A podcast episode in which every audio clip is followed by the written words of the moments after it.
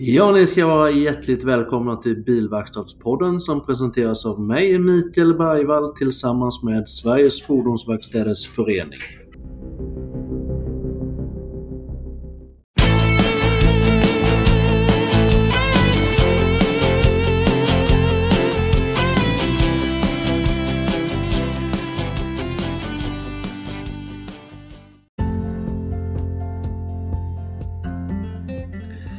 Dagens avsnittssponsor är Wheel Scanning Sweden AB. Wheel Scanning Sweden AB startade som en spin-off på Saab baserad på deras teknik. Wheel Scanning levererar lösningar för att bespara tid, öka kvaliteten och generera nya försäljningsmöjligheter för däck och bilhandeln genom att digitalisera processen. Våra produkter bygger i grunden på stereokamerateknik. Tekniken skapar med hjälp av flera bilder en 3D-modell där alla punkter är mätbara. Det ger oss konsekventa och noggranna lösningar. I en bransch med stundande digitalisering och modernisering är vår målsättning att bidra med effektiva och konkurrenskraftiga verktyg som sparar tid, höjer kvaliteten och ökar lönsamheten.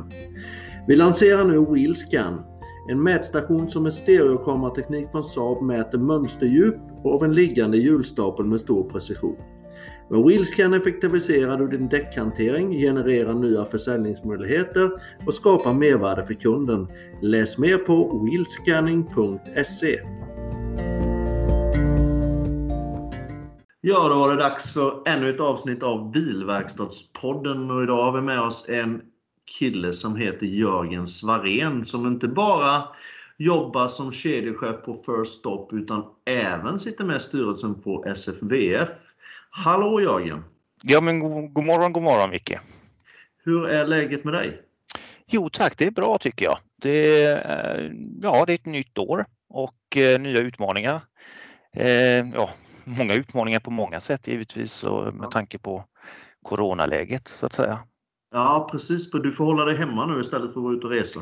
Ja, det får jag göra. Givetvis att respektera eh, saker och ting och även försöka hjälpa till eh, med min mor och far. Eh, tjata på dem att de inte ska gå och handla. Och det, det svårigheten är med min gamla mor, hon är 85 år. Hon har i princip alltid varit varje dag handlat. Eh, så att eh, det är svårt men eh, nu har de nog förstått allvaret, det riktiga allvaret i det. Ja precis, precis. Och idag har det väl kommit lite snö också så det är väl ännu större anledning till att vara inomhus egentligen. Ja men absolut och det har ju frusit på också så med lite regn och, is så att det, är lite halt och, och dant faktiskt. Och det leder mig ju självklart in då på din roll. Mm. Kan du mm. berätta lite om dig själv, vem du är själv då privat? Ja, jag är 54 eh, år. Eh, tiden går fort, man känner sig inte så gammal nu men tittar man på passet eller körkortet så är man 54 år numera. Eh, och bor utanför Göteborg då, ett ställe som heter Öjersjö, ligger mellan Landvetter och Partille, så strax utanför Göteborg. Och det här har jag bott i princip nästan hela mitt liv runt Göteborgstrakten.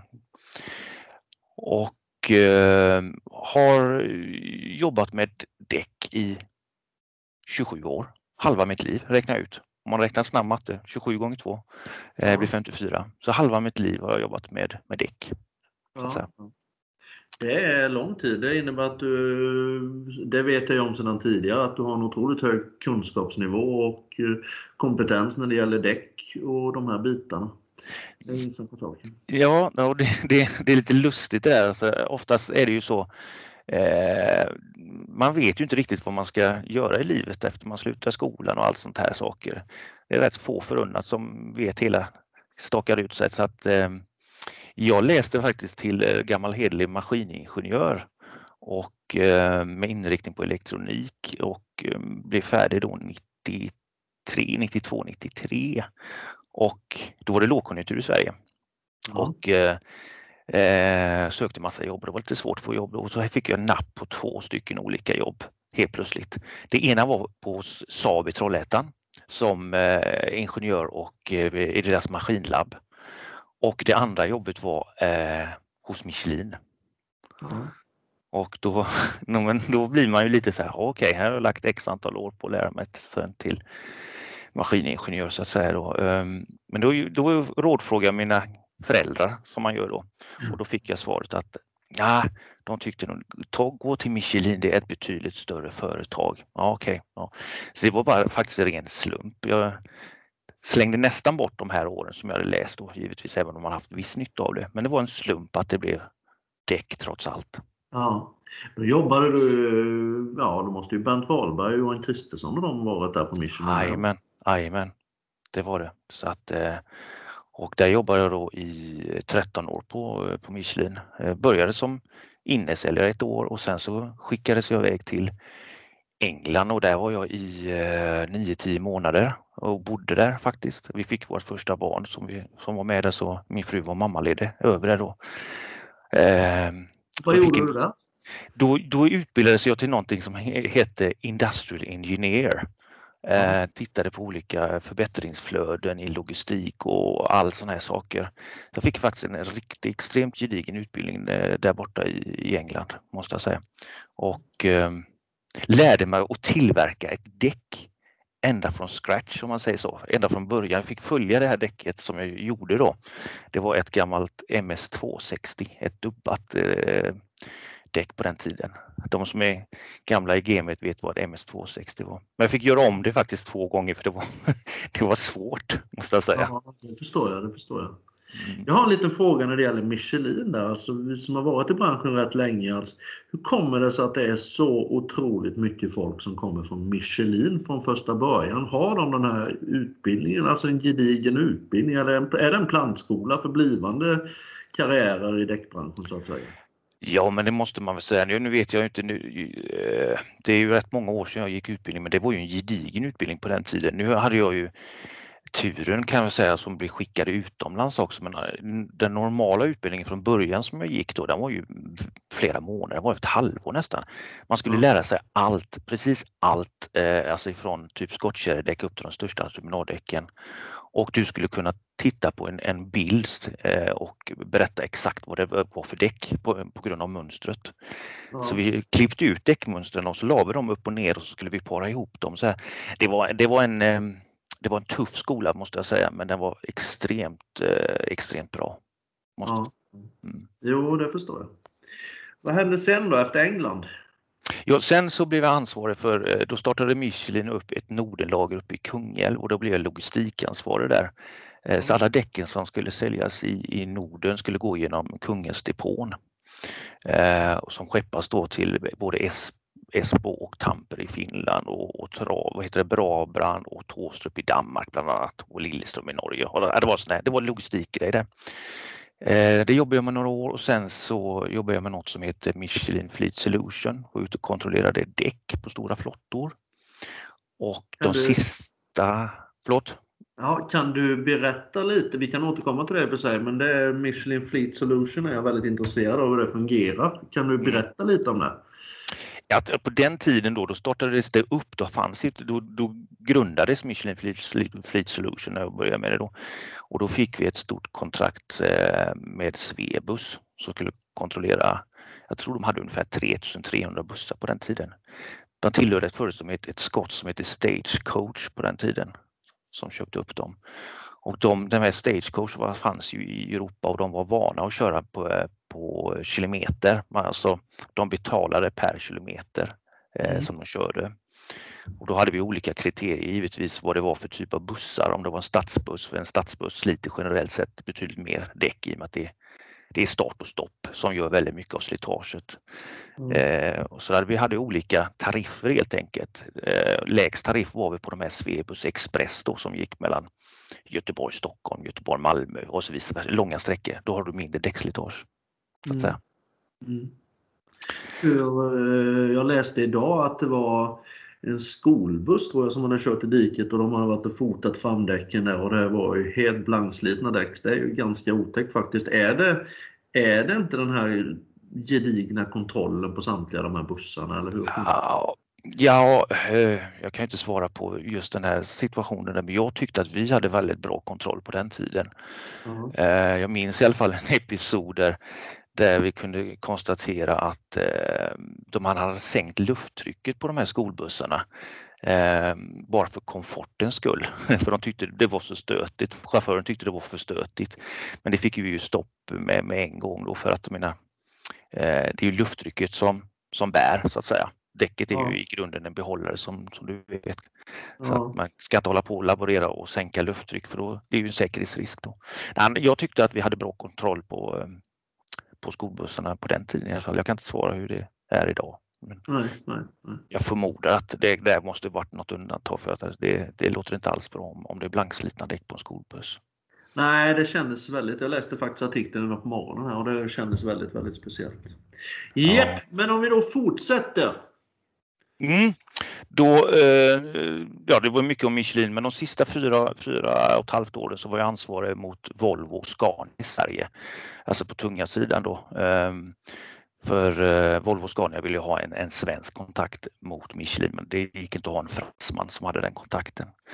Och det, det var eh, berikande jobb för då fick man inblick i, i hur både Volvo och Scania tänkte. Och sen så, så, eh, ja, så slutade jag på Michelin och så började jag på Bridgestone då. Jag menar det är ju de två största företagen i, grunden. Va? Det finns ju tre aktörer i, i, i världen brukar jag säga. Det är liksom i onämnd ordning då eh, Michelin, Bridgestone och Goodyear kan man säga. Stora giganterna världsligt sett. Ja. Gick till Bridgestone och där jobbar jag, eller där jobbar jag ju fortfarande och har en liten annan roll idag men jag har jobbat i stora delen med på tunga sidan på, på Bridgestone och varit ansvarig på tunga sidan också. Ja. Och sedan fyra och ett halvt år tillbaks så är jag då ansvarig för, för stoppkedjan i Sverige. Ja. Mm. Och för stoppkedjan, hur funkar den? Är det franchisetagare eller hur, hur ser det ut? Ja, i Sverige är det franchise, eller ska jag säga i Norden är det franchisetagare så att säga. Eh, så vi äger ju inte några verkstäder utan de är helt fristående. Eh, däremot så i eh, övriga delen av Europa så är det lite blandat. Det finns det både franchisetagare eller vad vi kallar då equities där, där Bridgestone äger verkstaden så att säga. Ja. Så att det är ungefär någonstans 2 500 verkstäder i hela Europa inom förstoppkonceptet. Ja. Och hur många verkstäder har ni i Sverige som tillhör konceptet? I, i, i dagsläget har vi 66 eh, verkstäder ifrån ja. eh, ska jag säga, Övertorneå eller Kiruna ner till södra Sverige. Ja, ja. Är det någon ambition om att växa när det gäller antalet eller är det, siktar ni in mer på att det ska vara en hög kvalitet på era verkstäder? Ja, alltså vi vill ju gärna växa men det, det, du sa en punkt där också, vi vill ju gärna att eh, vi förknippas med, med bra kvalitet faktiskt. Ja. Ehm, och i många fall är det kanske inte så att man, förstopp är ju, har ju namnet lite grann emot sig kanske man kan säga om man jämför, för det, du har ju inget som med däck inblandat så att säga. Mm. Men vi försöker värna väldigt mycket om den lokala verkstaden, att man, eh, man åker till den lokala verkstadsnamnet och den är också då i sin tur ansluten till Förstopp. Man åker, det här är ju en väldigt mycket kundrelationsbransch mm. och man åker till eh, ja, Bobby eller någon annan på den här verkstaden som man känner om man säger så, om du förstår vad jag menar. Jajamän, jajamän. Mm. Hur många utav de här verkstäderna kanske du inte har siffror på? Det är mest en nyfiken fråga för mig. Hur många utav de här däckverkstäderna du har som även driver bilverkstad. För jag vet ju att komplementet från bilverkstad till att även ha däckverkstad ökar ju konstant. Ja, jag ska säga att av de 66 verkstäderna vi har så är det väl tror jag 48 som även jobbar med tungt så att resterande ja. där då 66, det är ungefär 20 stycken som, som ju även jobbar med eh, bilverkstadsdelen. Ja. Man kan väl säga så att eh, man ser ju en trend på det att, att eh, om man bara jobbar med rena personbilsdäck så behöver man ha en, en komplettering idag i dagsläget. Mm. Ehm, och den trenden har blivit eh, snabbare de sista åren. Vi har ju varit lite mer förskonade här uppe i Norden på grund av att eh, vi, vi, vi har som självklarhet att vi har ju två säsonger. Eh, vi har sommardäck och vi har vinterdäck och vi har lagkrav på det.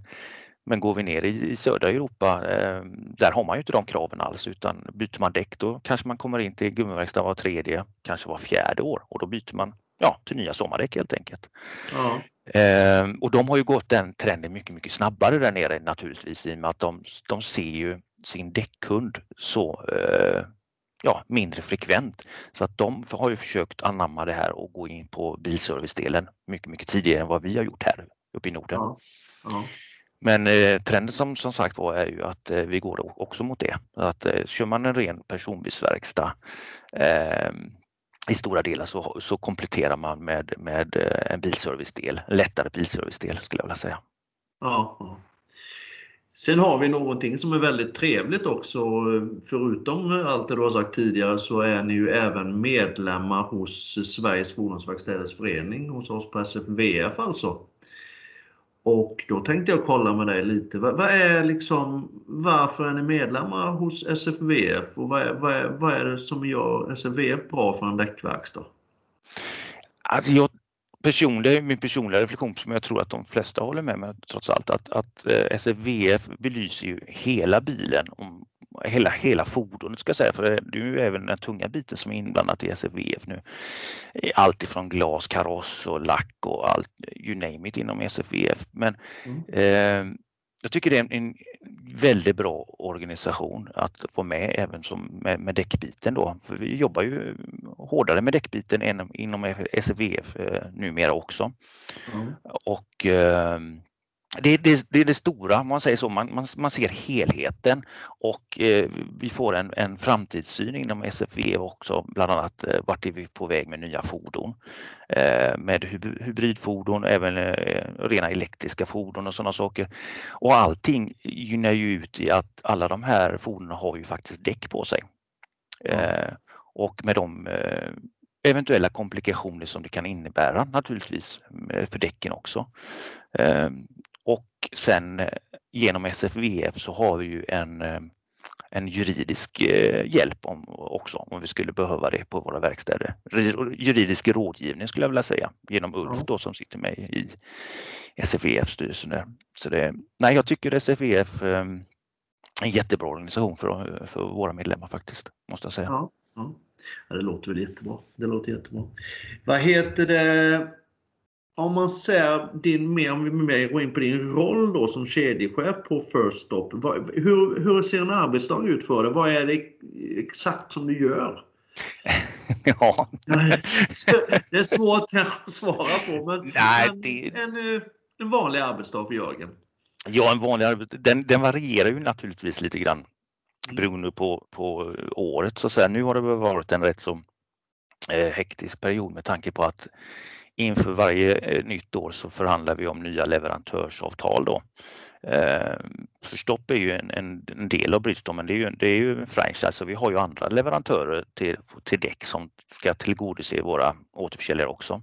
Och det ska ju förnyas. Eh, ska förnyas även eh, fälgar, eh, avtal eh, och även eh, utrustning och, och maskiner och sådana saker ska också förnyas. Så att eh, men generellt sett så är det väl eh, rätt så mycket eh, rapportering eh, givetvis. Jag rapporterar ju, min, min chef sitter på Irland och under alla mina år så har jag faktiskt fått en, en kvinnlig chef och jag kan faktiskt bara säga mycket positivt om det. Ja. Det säger jag inte bara för att, att säga det, men det, det, är en ny nyans att ha en kvinnlig chef. Jag tycker det är um, riktigt, riktigt bra måste jag ja. säga. Så det är en hel del rapporter som ska göras givetvis. Eh, det ska, ja, siffermässigt som ska rapporteras. Mm. Och normala fall, hade det inte varit ett coronaår så hade jag ju naturligtvis ehm, varit ute mer och eh, besökt olika återförsäljare och sådana saker. Naturligtvis. Mm. Har du många resande också inom kedjan som är ute och besöker verkstäderna? Ja, vi är fyra stycken som jobbar inom Förstopp då. Så att. Vi har två stycken killar som, som eh, jobbar aktivt och ute och reser i normala fall och försöker rekrytera nya medlemmar och, och besöka befintliga medlemmar. Och sen har vi en marknadsassistent och en, en tjej som heter Ulrika som sitter uppe i, i Sundsvall då, som hjälper oss också. Så vi är fyra inom, inom förstoppgruppen som hjälps åt. Och sen ja. har vi givetvis hjälp av, av, eh, av, av modern då, Bridgestone. Ja. Eh, så att vi alla vi fyra är ju, är ju anställda av Bridgestone men vi är ju separerade på, på det sättet att eh, vi handhåller ju konkurrentinformation och sådana saker så vi håller väldigt strikt på det. Eh, ja, ja det förstår jag. Det förstår jag. Eh, om man då ser när det gäller Corona och det, det har ju påverkat de flesta branscher och flesta företag egentligen. Men det är ju inte bara så att det har påverkat, blivit negativ utveckling på bolaget och försäljningen och sånt. Hur, hur ser det ut på First Stop-kedjan? Nej, det har, man kan väl säga så här att eh, givetvis har vi också blivit påverkade. Jag tänkte på det här om dagen. Jag tittade ut här och tittade runt i eh, ja, runt om i området mm. och tittade på och såg, jaha, den bilen brukar i normala fall inte vara hemma och den brukar inte vara hemma. Så det är ju extremt många som som om man kan naturligtvis jobbar hemifrån numera. Ja, och då, eh, man kör inte bilen på samma utsträckning, det gör man ju inte. Så att försäljningen generellt sett har ju gått ner, alltså däckförsäljningen generellt sett har ju gått ner under 2020, det har den gjort. Ja. Eh, men å andra sidan så finns det, som du var inne och belyste, positiva saker. Det har ju kommit upp med nya saker. Man, eh, man sitter ju via dator mycket mer och har sådana här så kallade Teamsmöten. Eh, man får gjort en hel del trots allt. Absolut, absolut. På det sättet. Tror, tror du att det kommer fortsätta den här digitaliseringen även efter Corona? Det tror jag absolut. Jag är nästan helt övertygad om, om att det kommer att bli så och framförallt eh, man ser ett annat köpbeteende också att eh, eh, man handlar kanske även mer däck framöver på, via nätet på, på ett eller annat sätt. Eh, jag tror att jag brukar reflektera till mina barn, nu är inte de små längre, de är över 20, men de går ju inte en meter utan sin telefon, även in på mm. toaletten. Så den nya generationen är ju, har ju ett annat köpbeteende och um, använder sin telefon och ja, tittar på allt och naturligtvis och även beställer saker via sin telefon. Ja, ja. Så det tror jag absolut. Eh, och det, är bara Stefan, det är bara Stefan Löfven som inte gör det. Ja, nej, han är, han är inte den yngre generationen heller. Så att, eh, nej, det är så.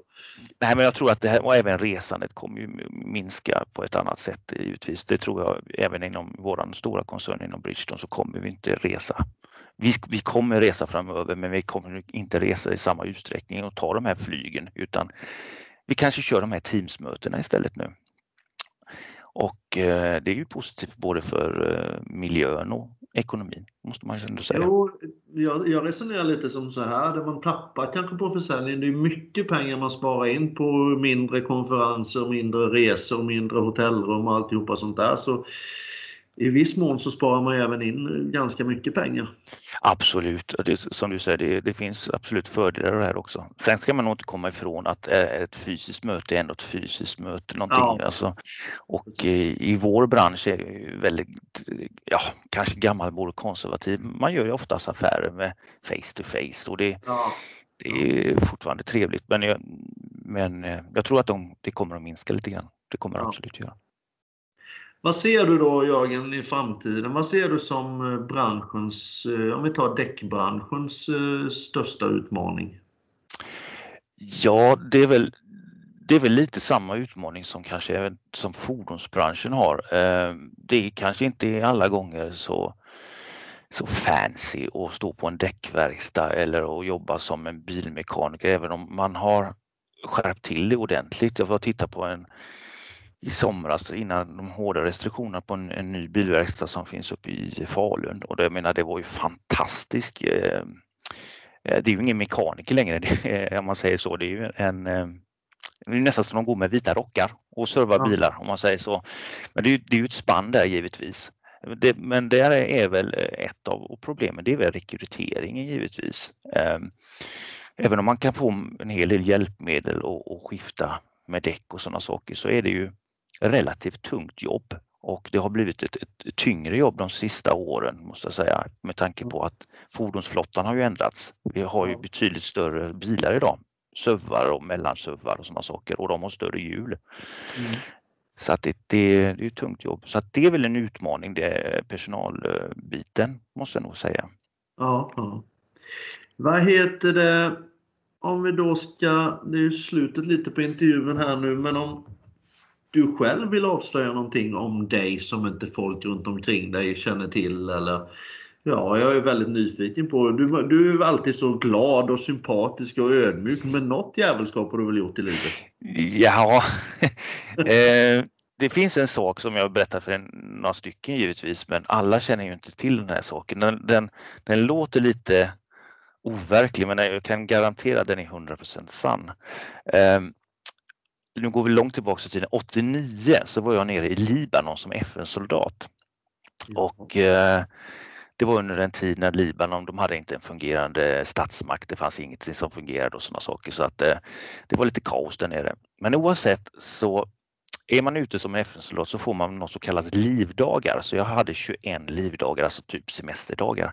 Och då passade jag på att resa där nere. Jag åkte inte hem som flertalet av mina eh, soldatkompisar. De åkte hem till Sverige, men jag passade på att resa. Så jag var i Egypten och jag var i Syrien och Jordanien. Ja. Och Syrien känner ju många till numera så att säga, men då på den tiden 89, då var det lite exotiskt. Men vad ska jag komma till i alla fall var att, att man skulle resa ut och då fick man alltid resa ut genom Israel och sen skulle man in igen så kunde man inte åka in i Libanon direkt utan man fick åka in via Israel. Och där blev jag stoppad två gånger. Och det här låter nu, man kan tänka spelas ut som, som en film, men det här är helt sant. Jag blir stoppad och, och blir invisad i, i ett rum som är typ 4 gånger 5 meter och mitt i rummet sitter ett bord, eller står ett bord heter det. Och på ena sidan är det två stolar och på den andra sidan är det en stol. Och jag får ju sitta på den sidan som är en stol. Och då sitter det två herrar där eh, som förhör mig Eh, och frågar eh, och indirekt så är jag inte önskvärd att komma in i Israel. Men det, det skrämmande är att de vet, de vet precis allt om mig. Och då menar jag allt. Ehm, och de kan de kan min, min fars och mors eh, personnummer givetvis, men de går längre tillbaks. De går min farfars, de kan, de kan precis allt. Och jag blir bara helt stum. Hur sjuttsingen kan de veta det här? Och i alla fall det slutar med de här två gångerna som det här, var olika tidsperioder, så fick militärpolisen komma och hämta mig och garantera min, ja, vi garanterar den här personen. Och jag fick ju ringa hem då eh, ifrån Libanon. Det var ju innan mobiltelefonens tid på samma sätt. Så jag fick ju ringa via växel hem och fråga min, min gamla mor då. Stämmer det här? Alltså de här namnen och alla de här personuppgifterna. Och, och det visade sig att allting stämde ju. Och jag hade ju ingen aning om alltså både födelsedata på min, min farfars och alla hans namn och alla släktingar hit och dit. De kunde allt om mig. Ja, men du var en eh, intressant person redan då. Ja, men alltså det var lite skrämmande faktiskt och man var inte så speciellt kaxig där och det visade sig att de ville inte säga det direkt ut men jag var, hade, de sa att jag hade varit där nere två år innan och eh, använt droger. Och jag hade inte tagit några droger. Jag har en cigarett hade kanske tagit och snus men några droger hade jag inte tagit. Men det, det var det som jag var anklagad för. Det slutade med i alla fall en lång historia om det här. Eh, att jag sen då fick kontakta polisen i Sverige och det visade sig att 87 då, två år innan och när jag tydligen hade varit där nere fast jag inte hade varit där så blev jag av med mitt körkort när jag gick utifrån en biograf i Göteborg och på den tiden 87 så kunde man tillverka pass. Så det var någon som stal min identitet helt enkelt. Åh oh. Ja, och eh, då sa han den här polisen, eh, poliskommissarien här i Göteborg då, att jag rekommenderar dig, för det här är inget jättebrott egentligen, jag rekommenderar dig att byta efternamn. Så innan dess så hette jag, eh, hette jag Nilsson, som min bror heter. Så mm. Svarén är efter min mor innan hon gifte sig. Så jag var mer eller mindre, tyckte den här i alla fall poliskommissarien, att det bästa är om du byter efternamn. Och det, det är liksom, byt eh, till din mor för han kunde se vad hon hette innan hon gifte sig. Mm. För det kostar ingenting och det blir aldrig något strul. Så att jag blev mer eller mindre tvingad att eh, byta efternamn efter den här trippen i Libanon. Det, du, kan... har, du, heter alltså Svarén eh, beroende på att du är falskt anklagad för att tillhöra en kartell där med narkotika typ? Ja, det var en person som, som, som tydligen stal min identitet och var nere i Israel då två år innan jag var där nere fysiskt och ja. eh, använde min identitet. Men jag kan väl säga att jag var inte speciellt kaxig när jag satt i det här. Det var ett totalt rum liksom. Och de, de vet allt om mig och jag sa nej men det stämmer inte, jag har inte varit här. Det är, det är det här 89, jag är här nu liksom. Nej, nej, nej, du har varit här två år innan. Uh, och när de då säger massa saker om, om hela min, uh, om min släkt så här bak och, och de, de kan allt. Då blir man ju ännu mer så här paff om du förstår vad jag menar. Ja, fruktansvärt. Usch mm. Det, det, var, det var en lång historia om det, men det, den är lite, kanske unik i alla fall på något sätt. Det tror jag definitivt att den är. Jag känner inte till någon som varit ute för samma sak i varje fall. Det, nej, det var fantastiskt kul att prata med dig Jörgen och eh, riktigt roligt att höra den här sista historien, även om den var väldigt otäck för dig förstår jag. Ja, den är, den är ju, man kan ju skratta åt den nu, men jag kan säga det, jag var inte Jag var inte speciellt eh, kaxig då när jag satt där. Nej, eh, jag det förstår var det absolut förstår inte. Eh, Nej. men man måste ju ändå ge dem en heder för man, när man reste genom FN då så, så fick man ett blue card eh, och det var som en diplomatisk immunitet på något sätt så de, de letar faktiskt aldrig igenom mitt bagage. Nej, okej. Ja, det var lite konstig grej men, eh, men annars så var det ingen eh, nu kan man skratta åt det, men då, just då var det faktiskt inte speciellt trevligt. Nej, fy fablans, det förstår jag. Det förstår jag. Usch mig. Ja, Du Jörgen, jag önskar dig ett fantastiskt 2021 och eh, även för stopp och eh, hoppas du får en fortsatt fin dag och vecka. ja tack detsamma Micke, det var mycket trevligt detta. Ja, Mm. då hörs vi av framöver. Tack snälla, ha det gott, hej! Ja, hej.